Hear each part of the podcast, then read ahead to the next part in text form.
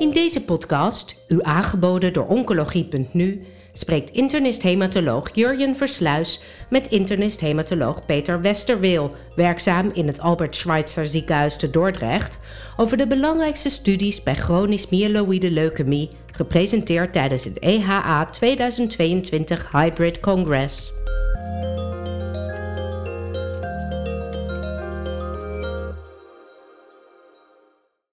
Nou, Peter Westerveel, welkom bij deze podcast waarin we de hoogtepunten op het gebied van CML, gepresenteerd op de EAA 2022 in Wenen, zullen bespreken. Als ik het congresoverzicht bekeek, ehm, eh, en eigenlijk ook de afgelopen jaren, krijg ik de indruk dat CML een steeds mindere prominente rol krijgt op congressen. Hoe vond jij dat op deze EAA? Nou, ik denk ook op het gebied van CML echt steeds wel weer wat nieuws uh, te, te, melden is. Ik denk dat er nu ook weer een paar belangrijke nieuwe ontwikkelingen zijn geweest. Um, dus uh, het heeft zeker zijn plek en uh, het onderzoek gaat voort. Dus wat dat betreft denk ik dat het goed is dat we er ook aandacht aan besteden hier. Ja, absoluut. Nou, um, en dan um, als we het gaan hebben over therapie, is eigenlijk stoppen van therapie een, een cruciale overweging voor een CML-patiënt. En jij, jullie hebben meegedaan aan een prospectieve studie die nieuw gediagnosticeerde CML-patiënten liet stoppen. Waarbij de randomisatie was tussen nilotinib en imatinib. Kan je iets vertellen over die studie en hoe die studie eruit zag? Ja, het was een Italiaans-Nederlandse samenwerking, waarbij uh, we als uh, hebben aangesloten op een uh, studie van de Italianen. De Italianen noemen dat de Sustranim-studie en bij ons heeft die gelopen als de Hoven 142-studie. En dit is eigenlijk de eerste prospectief gerandomiseerde studie met behandelingsvrije remissie als primair eindpunt. En ik denk wat dat betreft een belangrijke studie. En uh, je kan je voorstellen dat is best een, eh, een langlopend project. De, uh, het is een co-primair eindpunt, dus een eerste primair eindpunt na twee jaar. om te kijken welk deel van de patiënten in diepe remissie komt, dan de MR 4.5. En een tweede primair eindpunt na vijf jaar, welk deel van de patiënten in stabiele behandelingsvrije remissie komt. En in de studie werd gerandomiseerd tussen ofwel een, een behandeling uh, upfront, dus de eerste lijn studie, um, met nilotinib, of met imatinib, waarbij in de imatinib-arm bij een suboptimale respons dan geswitcht werd naar nilotinib. En dat noem je een, een early switch. Um, en op het EAA zijn nu de eerste resultaten gepresenteerd van dat eerste uh, eindpunt, dus het bereiken van een MR 4.5 na twee jaar. Um, en daarin blijkt dat dat in de nilotinib-arm significant vaker het geval was dan in de imatinib-arm, ondanks dus die early switch bij patiënten die suboptimaal respondeerden. Met andere woorden, een early switch kan dat verschil niet overbruggen. En dat maakt er best wel uit, um, want in de nilotinib-arm was dat uh, 29% en die imatinib-arm 18%. Uh, en de verwachting is dat dat zich natuurlijk uiteindelijk vertaalt naar een veel uh, lager deel van de patiënten wat uh, in behandelingsvrije remissie gaat komen, omdat er minder mensen überhaupt in aanmerking komen om dat, dat te gaan pogen. Um, en dat zet natuurlijk wel het gebruik van tweede generatie TKI in de eerste lijn in een ander perspectief. Ik denk daar waar we dat op dit moment um, vooral zouden doen voor hoogrisicopatiënten met als doel om progressie te voorkomen um, is het perspectief van behandelingsvrije remissie uh, ook een argument om uh, uh, voor, voor een tweede generatie te kiezen. En wat heel interessant was in de analyses van de studie voor nu, is dat juist de laagrisicopatiënten, dus patiënten met een lage ILTS-score, het meeste baat hadden van het gebruik van nilotinib. In die groep bereikte maar liefst 43% van de patiënten um, de uh, MR 4.5 na twee jaar. Uh, daar waar dat uh, eh, 23% was in de imatinib-arm, eigenlijk het, de grootste klinische impact. Ja, heb heb, heb je daar een verklaring voor? Want dat is inderdaad een best opvallend verschil. Nou, we weten in het algemeen natuurlijk wel dat tweede generatie TKI's een snellere en diepere remissie geven. Um, en ja, hier zie je eigenlijk dat het bij een, een ziekte die dan vervolgens ook uh, bij de individuele patiënt, uh, die dus uh, zeg maar, heel, heel gevoelig is voor TKI's, dat dat het, het, het meest dramatische effect geeft. En uiteindelijk kennen we dat ook, dat een deel van de patiënten eigenlijk heel snel in, in, een diepe remissie komt. Um, en een tweede generatie TKI heeft daar toch echt een, um, een, een, duidelijk voordeel. Dat heeft vooral met uh, de effectiviteit van de, van de middelen te maken. Het is immers hetzelfde aangrijpingspunt. Het is het, uh, het kinase-domein wat uh, hier het aangrijpingspunt is van zowel imatinib als nilotinib. En je vertelde, er was natuurlijk een mogelijkheid um, tot early switch. Hoeveel, ja. hoeveel patiënten deden dat in die imatinib-arm? dat was ergens tussen 20 en de 25 procent. En vond je dat veel ten opzichte van wat je zou verwachten toen, uh, toen deze studie ontworpen werd? Nee, dat is exact wat we, wat we verwachten. Uh, we weten ook eerder uit uh, populatiegebaseerd onderzoek, ook ons eigen werk, dat, dat dat ongeveer het percentage van de mensen is die een suboptimale respons heeft op eerste lijn imatinib. Ja. Um, en hoe dan nu verder met deze studie? Want de mediane follow-up van deze studie was nu 30 maanden. Ik denk dat er nog, het is een studie die lang loopt, zoals je zei. Ja, het is na vijf jaar bereiken patiënten uh, eigenlijk het moment waarop de tweede um, uh, het, het, uiteindelijk belangrijkste eindpunt uh, beoordeeld kan worden.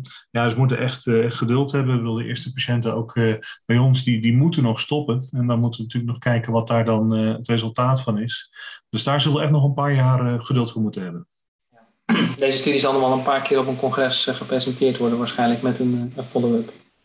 Ja, zeker. Ik denk, op het moment dat uh, het, uh, het, uiteindelijke eindpunt na vijf jaar bereikt wordt, ja, ja dat, dan kunnen we definitief de balans gaan opmaken. Maar uh, ook dat zal nog niet op de EAA 223 zijn. Daar zullen we nog meer geduld voor moeten hebben. Ja. Nou, dat, dat, dat hebben we in de ziekte als CML, hebben we dat denk ik ook wel, toch?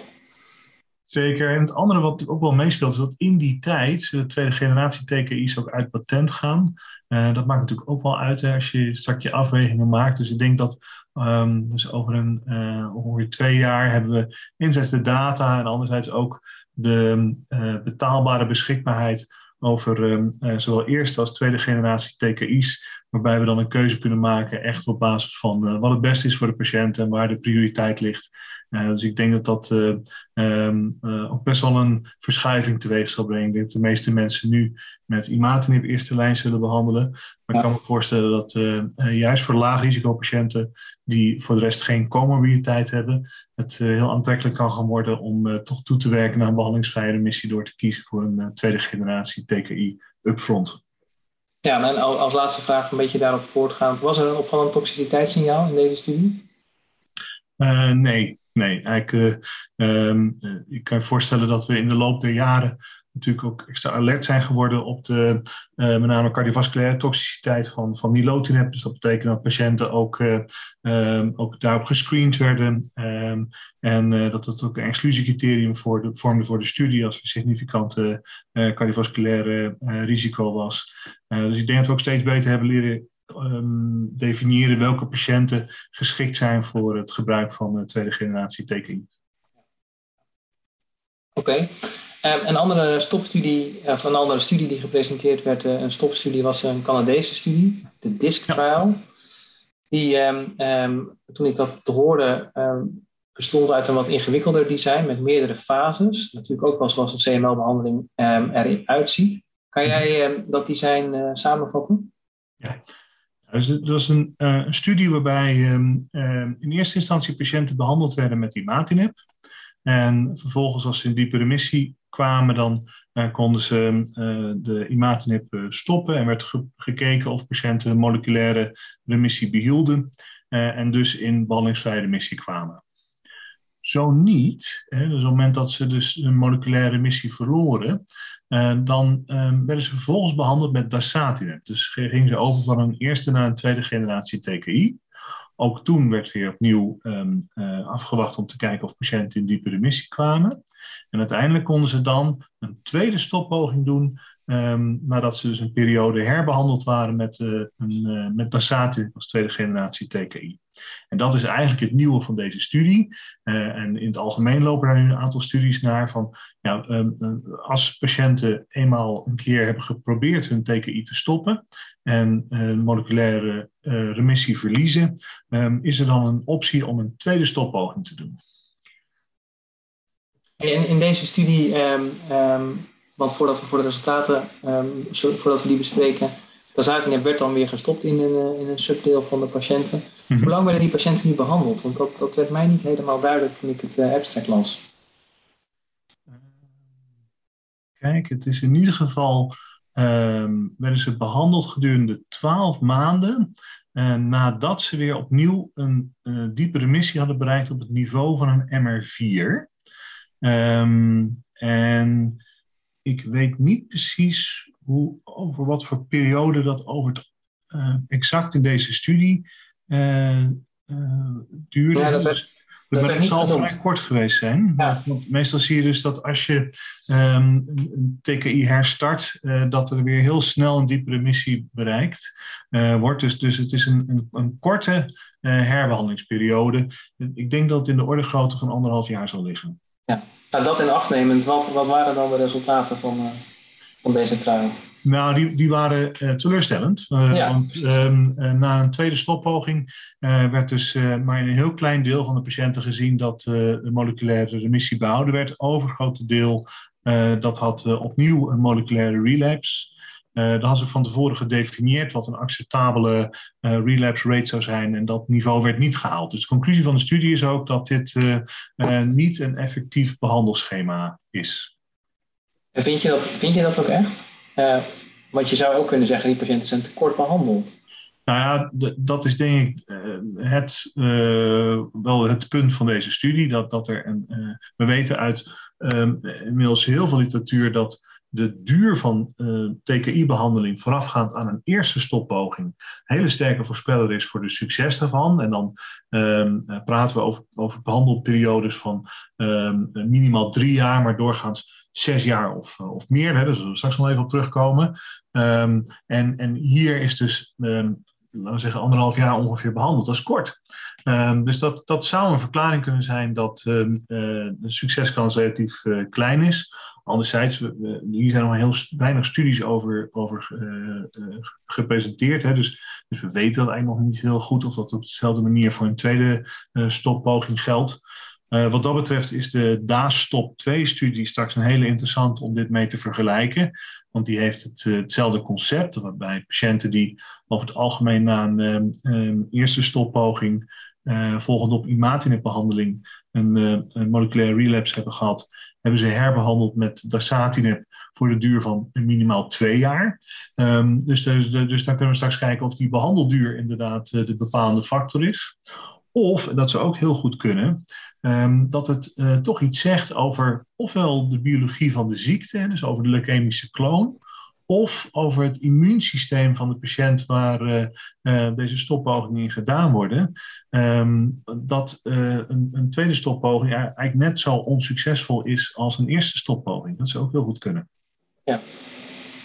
En je zegt leukemische kloon, dat triggert me dan nog, als we daar heel even doorspreken, Um, zie je veel co-mutaties, zeg maar meer klonale hematopoëse gerelateerde mutaties binnen CML? Uh, eh, ja. En denk je die ehm, daar, dat die daar dan van invloed op zijn? Dat, daar um, kan ik sowieso in deze studie naar gekeken. En in het algemeen kan ik me daar geen data van herinneren. wat, wat wel is, en dat is ook op deze EAA heel mooi gedemonstreerd, is dat we uh, veel vaker dan we denken, dat er inderdaad um, behalve de BCR-A nog andere mutaties aanwezig zijn. En dat is, um, uh, was een, een, studie waarbij ze gekeken hadden um, naar een, een, een, next generation sequencing uh, uh, op, op, op andere mutaties dan een BCR-ABL. en dan hebben een derde van de patiënten bij diagnose werden andere mutaties gevonden. Dat zijn eigenlijk de voor ons bekende mutaties zoals ASIX-1 en RUNX1, dat waren de meest voorkomende. dus dat zet ook wel weer een beetje het, het, het, klassieke beeld van CML als monogenetische ziekte op losse schroeven. En dat had een klinische impact. Uh, met name de patiënten met een ASXL1-mutatie, die deed het aanmerkelijk uh, slechter dan, dan anderen. Um, dus dus ik, ik, denk dat het, het, het veld ook wel in die richting gaat bewegen, dat we ook dat meer in kaart gaan brengen. Maar in de context van behandelingsvrije remissie zijn mij daar geen data over bekend. Oké. Okay. Nou, iets voor vervolgonderzoek dus. Zeker. Zeg, um, um, we moeten jullie data over het stoppen van CML-behandeling en dan hoe je dat het beste kan sturen in het licht van de digitale druppel-PCR, dat moeten we natuurlijk bespreken. Um, Camille had daar denk ik een mooie presentatie van. Uh, wat, wat hebben jullie precies onderzocht? Ja, Camille Kokkeros, dat is een, um, promovendus bij mij in het ziekenhuis. Die, um, die heeft als, uh, als focus van haar onderzoek de inzet van uh, digitale PCR als voorspeller van um, behandelingsvrije remissie. dat is een, een project wat nu al enige tijd loopt in, in Nederland, maar nog steeds beschikbaar is om uh, voor in te sturen.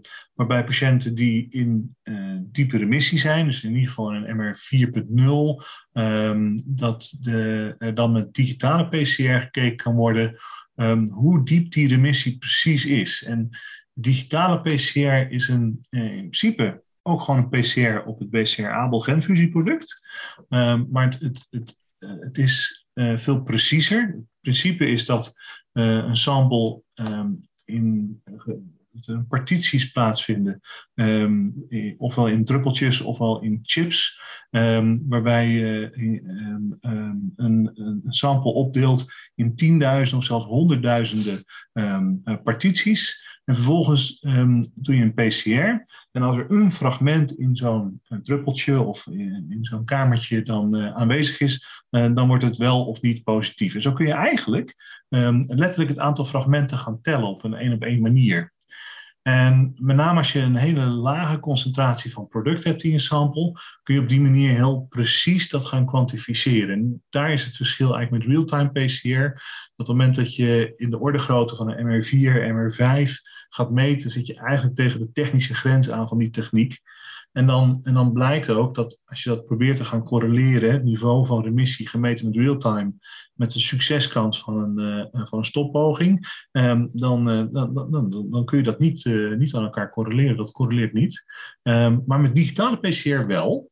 Um, en dat is inmiddels uit meerdere studies gebleken.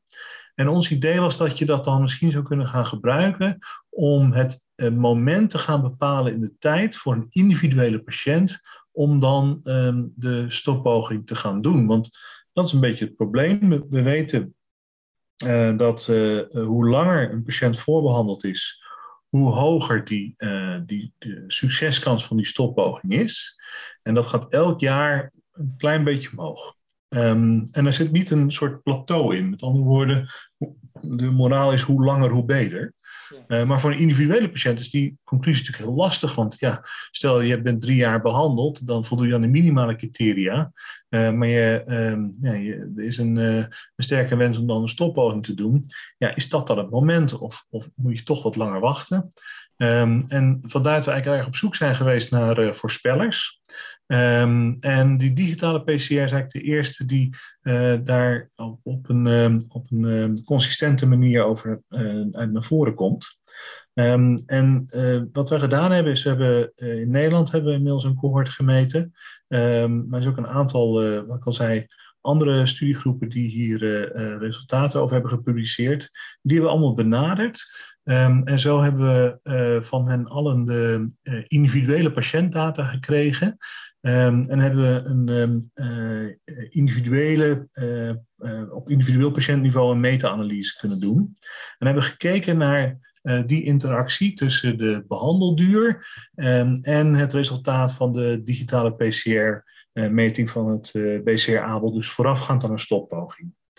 En wat je dan zag, is dat je inderdaad uh, de, patiënten die relatief kort behandeld uh, waren, dus tussen drie en zes jaar, dat zouden we dan als een uh, relatief korte behandelduur benoemen, maar die wel een, laag of, of, negatief digitaal druppel-PCR-resultaat hadden voor PCR-ABEL, die hadden een, een, goede kans om een moleculaire remissie te behouden na een stoppoging. Um, in tegenstelling tot die patiënten die kort behandeld waren en een hoog digitaal druppel-PCR-resultaat hadden, daarvan zag je dat uh, de moleculaire relapse rate uh, heel hoog was, eigenlijk onacceptabel hoog. Dus dat je dan in die groep uh, beter nog langer kan doorbehandelen. Dus dat, um, ja, dat maakt dat, dat je dit kan gebruiken om te kijken naar een individueel stopmoment. En natuurlijk eh, is dat nog niet uh, uh, volledig voorspellend, dus zijn we ook op zoek naar nog aanvullende voorspellende testen. Um, en die zitten waarschijnlijk dus meer op het niveau van de immunologie. dus daar zijn we ook actief naar onderzoek aan doen om te kijken wat dat dan nog aanvullend zou kunnen brengen. En je zegt, want het, het zijn indrukwekkende data, moet ik, moet ik zeggen. Zeker als je jullie um, de Kaplan-Meijer, de cumulatieve incidentie van moleculaire relapse bekijkt in jullie abstract. maar dan toch vraag ik me af, omdat je toch wel duidelijk ziet dat het, de behandelduur er nog steeds een belangrijke rol heeft. Dat zei je natuurlijk ook al. Um, en je zegt, ja, dit, dit kan je dan uiteindelijk gaan gebruiken voor een individueel stopmoment. Hoe moet je dat dan toch relateren aan de behandelduur? Is er, net als hè, dat je nu zegt dat je uh, minimaal een jaar MR4 minimaal moet zijn voordat je een stoppoging kan doen, of twee jaar eigenlijk. Moet je dat in, in dit, ook in dit licht zo zien? Zeker, want uh, uh, dit is wel, wel degelijk ook bij de patiënten die een negatieve uh, of laag digitaal PCR-resultaat hadden, nog steeds een voordeel om langdurig te behandelen. Um, en um, dat, dat is dus iets wat je denk op individueel niveau kan gaan afwegen met de patiënt, waarbij ook bijvoorbeeld ervaren bijwerkingen een, een belangrijk argument kunnen, kunnen vormen. Ja, ja. En dan, dan kan ik niet onderdrukken door toch nog even naar de laagste curve te kijken. De patiënten die meer dan zes jaar behandeld zijn en een, eh, een niet detecteerbare digitale druppel-PCR hebben, dan nog heeft 25% uiteindelijk een moleculair recidief. Ja. Waar, zit, waar zit dat dan en waarom, waarom, moet het, waarom mis je dat dan toch nog? Um, ja, kijk, bij, eigenlijk bij bijna alle patiënten, um, als je maar, maar, maar goed genoeg meet, is er nog aantoonbare ziekte. De, dat hebben wij ook gezien. Dus um, bij, bij bijna alle patiënten is nog aantoonbare ziekte. En bij die patiënten waar het niet aantoonbaar is, denk ik dat als je uh, nog uitgebreider zou, uh, zou zoeken, je uiteindelijk nog steeds uh, een leukemische rest vindt. Dus dus de ziekte is er, uh, gaan we vanuit eigenlijk altijd nog. En dat is ook wel logisch als je nadenkt over hoe een TKI werkt. Hè. Dat is niet cytotoxisch, het, het, ontneemt de kloon zijn, uh, zijn, zijn proliferatievoordeel, um, maar ja, het blijft bestaan. Um, dus um, het, het, het zit voor een deel in de hoeveelheid resterende uh, leukemie.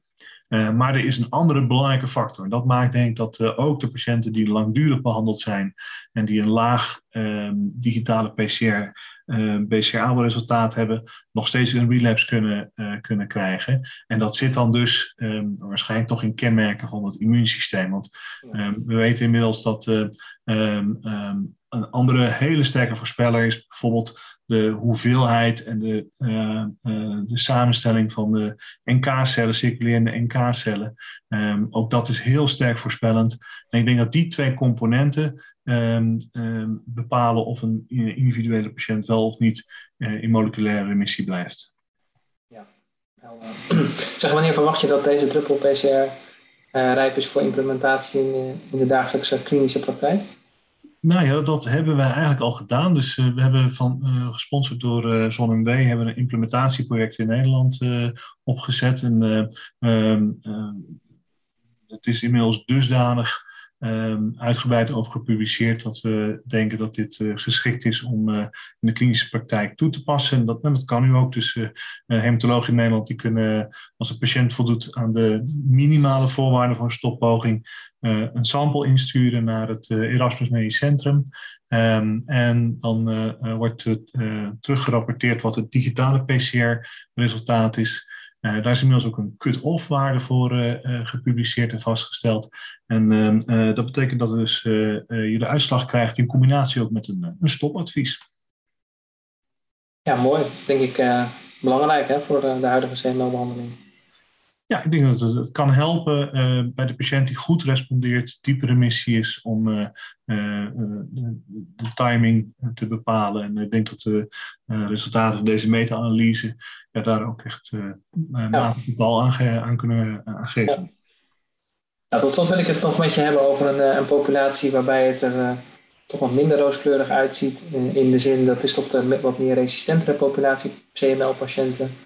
Um, de patiënten die in aanmerking komen voor asciminib. Ja. Um, en op de EA werden de uh, geüpdate resultaten van, um, wat was het, acht jaar geloof ik, uh, getoond van de Assemble-studie. Uh, nee, het was 96 weken, dus het is krap twee jaar. Ah, nee, sorry, ik ben nu al heel erg, ik kan overdrijven een beetje. Um, nou, um, wat waren deze geüpdate resultaten? Kan je nog heel even zeggen wat, wat Assemble-studie onderzocht? Ja, Ja, dus uh, zoals je al zegt, uh, je hebt dus een deel van de patiënten die helemaal niet zo goed reageert. Die, en dan gaat het om de groep die al behandeld is geweest met twee of meer van de huidige geregistreerde TKI's. Um, en dan moeten we ons realiseren dat die resultaten dan helemaal niet meer zo goed zijn. Um, er zijn uh, prospectieve studies gepubliceerd met uh, bosutinib en ponatinib. En in deze patiëntcategorie um, zie je dat um, de, de kans om dan nog een, een, een, goede remissie te bereiken echt veel lager is dan wanneer dat in de eerste of tweede lijn gegeven wordt. Dus daar zit echt nog wel een, een noodzaak voor betere behandelingen. En de Assemble Trial um, heeft uh, die populatie geïncludeerd. Dus patiënten die uh, of resistent of intolerant, dat is nog belangrijk om te noemen, waren op uh, twee of meer van de huidige geregistreerde TKI's. En heeft gerandomiseerd tussen behandeling met of bosutinib of asciminib. En asciminib is een nieuwe uh, tyrosine kinase remmer die ook op het BCR-ABL aangrijpt, maar niet op het kinase-domein. Dus die heeft een eigen bindingsplaats. Um, en het, het, aardige daarvan is dat het dus uh, een ander werkingsmechanisme heeft, maar um, uh, ook uh, een heel specifiek werkingsmechanisme heeft, wat veel minder off-target effecten kent. Um, en de Assemble trial die had als primair eindpunt het bereiken van major moleculaire remissie na 24 weken, dus na een half jaar, iets meer dan een half jaar behandeling. Nou, dat is inmiddels ook gepubliceerd en daarin bleek er een duidelijk voordeel voor asciminib boven bosutinib. Dat was 25% uh, in de asciminib-arm en 13% in de bosutinib-arm. Um, en je ziet nu in de update dat dat zich ook eigenlijk verder uitvergroot uh, bij een langere behandelduur. Dus nu bij 96 weken was dat uh, 37,6% in de asciminib-arm versus 15,8% in de bosutinib-arm. Dus dat is qua effectiviteit. En het andere is dat het middel gewoon veel beter verdragen wordt. Uh, er worden minder bijwerkingen gezien, minder vaak bijwerkingen die uh, aanleiding geven tot het moeten stoppen van het, van het medicament. Um, dus het is een, een effectievere en ook beter verdraagbare middel in de, in de derde lijn. In ieder geval in vergelijking met bosutinib. Wat mij opviel in de, in de subgroepanalyse die ook getoond werd, is dat eigenlijk hoe meer lijnen patiënten gehad hadden, hoe bijna beter de resultaten waren, hoe groter de hazard ratio, het effect uh, was wat geobserveerd werd. Dat vond ik wel opvallend. Ja, nou ik denk dat het met name te maken heeft met het verschil. Eh, dus, dus ik denk dat het met name laat zien dat, dat bosutinib, um, of laten we zeggen, een, een andere uh, TKI die op dezelfde manier werkt, dat dat, dat dan uh, ja, dat die resultaten eigenlijk steeds teleurstellender worden. Um, als wij kijken naar uh, asciminib in het algemeen, zie je ook daar wel degelijk uh, dat er uh, patiëntgroepen zijn die daar minder goed op responderen, juist op het moment dat er al veel eerdere lijnen gegeven zijn. In, in dat licht vraag ik me nog even af, waarom reageren vrouwen zo slecht op bosutinib? maar drie, drie van de 45 vrouwen hadden respons op uh. Ja, ja daar, daar, daar heb ik geen, geen verklaring voor. Nee. Okay. Um, ehm, nou, um, um, moeten we denk ik in het licht van toxiciteit. Uh, ook, uh, er was een, werd een Canadese studie besproken met real-world data van bijna 800 patiënten waarin TKI's veel vaker geswitcht en gestopt werden in verband met intolerantie. Nou, die toxiciteit van asciminib is denk ik heel manage managebaar. Um, stopten er veel mensen in deze trial vanwege toxiciteit bij asciminib? Uh, nee, dus het, um, ook in de update um, was uh, eh, 7,7% uiteindelijk uh, uh, gestopt met asciminib vanwege toxiciteit. En dat was 26,3% in de bosutinib-arm. Ja, betekent dat dan misschien ook dat je dit al eerder in de behandeling van CML moet introduceren, dit middel? Ja, dat is denk ik nu de grote vraag. Dus uh, uh, ik denk logisch om nu begonnen te zijn met, uh, met deze patiëntencategorie. Um, maar ja, ja, de vraag is hoe verhoudt asciminib zich tot uh, de, onze, onze huidig beschikbare TKI's in de eerste lijn. Die studie die, uh, wordt nu ook gedaan, die uh, loopt al internationaal um, en gaat ook in drie centra in Nederland op zeer korte termijn open. Um, waarbij inderdaad um, uh, als eerste lijnsbehandeling gerandomiseerd wordt tegen een TKI van keuze. Dus dat kun je eerst met de patiënt bepalen welke TKI je, je zou willen geven. En vervolgens wordt een randomisatie gedaan tussen of die TKI of asciminib. Ik denk dat dat een hele belangrijke vervolgstudie gaat zijn. Ja, daar hebben we in Nederland ook wel ervaring opgedaan met asciminib. Jullie lieten daar zelf ook data van, uh, van zien. Ja. Was dat heel anders dan wat er in deze studie werd gezien? Um, ja, toch wel. Want um, um, de asciminib is dus, uh, wordt door Novartis, dus de fabrikant, beschikbaar gemaakt in een early access programma. En uh, initieel, en dat is eigenlijk uh, ook waar, waar, we hier met name over gerapporteerd hebben, is dat beschikbaar geweest voor patiënten die eigenlijk geen reguliere behandeloptie meer hadden. Dus dan zit je echt in die, um, in die allerslechtste groep. Um, inmiddels is dat wat opgeschoven naar aanleiding ook van de uh, resultaten van, de, van deze Assemble-studie. Uh, en komen ook patiënten in aanmerking die, uh, ja, ja die voldoen aan inclusiecriteria voor, voor de Assemble. Um, maar wij hebben een, de Nederlandse ervaringen op een rij gezet in het Early Access programma. samenwerking tussen 13 centra in Nederland, totaal 53 patiënten die behandeld zijn met asciminib voor het grootste deel in chronische fase, maar dan dus wel multiresistente patiënten of patiënten die uh, al veel intoleranties hadden. Um, en een klein deel ook patiënten met, uh, uh, die een acceleratie of, of plastcrisis verkeerden. Um, en ja, ook daar komt eigenlijk weer het consistent beeld naar voren dat er een, zeker bij de patiënten in chronische fase, een groot deel van de patiënten um, goed respondeert op, op asciminib met een heel een gunstig toxiciteitsprofiel. Maar ook wel dat er dus bepaalde patiënten zijn, zoals bijvoorbeeld de patiënten die primair refractair zijn op ponatinib en, of de patiënten in uh, acceleratiefase of blastcrisis, waarbij de respons gewoon heel beperkt is.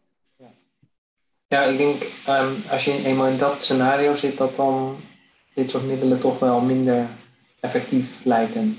Ja, en dan, dan, waar we het eerder over hadden, waarschijnlijk zijn er dan ook, ook andere mechanismen, andere hè, additionele mutaties die dan een rol spelen. En um, uh, wordt zo'n kloon ook gedreven door BCR-ABL onafhankelijke um, uh, signaling pathways. Dan kun je je voorstellen dat het uh, remmen van alleen het BCR-ABL-activiteit gewoon niet meer voldoende is om het onder controle te houden. Verwacht je nu dat asciminib op, op termijn in de richtlijn wordt opgenomen? Ja, ik denk dat de Assemble-studie daar voldoende basis voor geeft. Het, uh, de EMA-registratie die is aangevraagd, maar uh, uh, daar, daar wordt in de komende maanden uitspraak van verwacht. Um, en dan zullen we natuurlijk ook gaan kijken met de richtlijncommissie wat de plek is van, van asciminib. Um, en ik denk op basis van wat we nu weten, zal dat natuurlijk vooral voor de, voor de derde lijn zijn. Um, het is een veelbelovend middel, maar moet zich natuurlijk wel echt bewijzen, ook in, uh, in, in, vroegere lijnen van behandeling. Um, en een andere groep waar het nog voor interessant kan zijn, dat zijn de T315I gemuteerde patiënten. Uh, daar is op dit moment natuurlijk alleen ponatinib eigenlijk nog als, uh, als TKI effectief voor. Maar je kan je voorstellen dat patiënten die dan falen op ponatinib of die daar intolerant voor zijn of contra-indicaties voor hebben, met name cardiovasculair, dat er een plek zou kunnen zijn voor asciminib. Uh, maar daar hebben we nog in de richtlijncommissie nog niet, een, uh, nog niet definitief over gesproken. Dus dat uh, moeten we afwachten. Ja, oké. Nou, wordt vervolgd. Peter, um, we hebben inmiddels alweer een, een half uurtje gesproken over alles wat op het CML-vlak gepresenteerd is. Hebben we nog iets gemist? Nou, ik denk dat we een aantal belangrijke eh, ontwikkelingen hebben besproken. Er was nog meer, maar uh, uh, dat is misschien weer iets voor een andere keer. Oké. Okay. Nou, ontzettend bedankt voor, voor je tijd. En um, wie weet tot over een paar congressen als we weer geüpdate resultaten zullen bespreken. Oké, okay, dankjewel Jer. Dank. Bent u geïnteresseerd in meer podcasts? Deze zijn te vinden op de website www.oncologie.nu. Heeft u zelf een onderwerp of onderzoek dat besproken kan worden in een podcast? Mail het naar info.uitgeverij-jaap.nl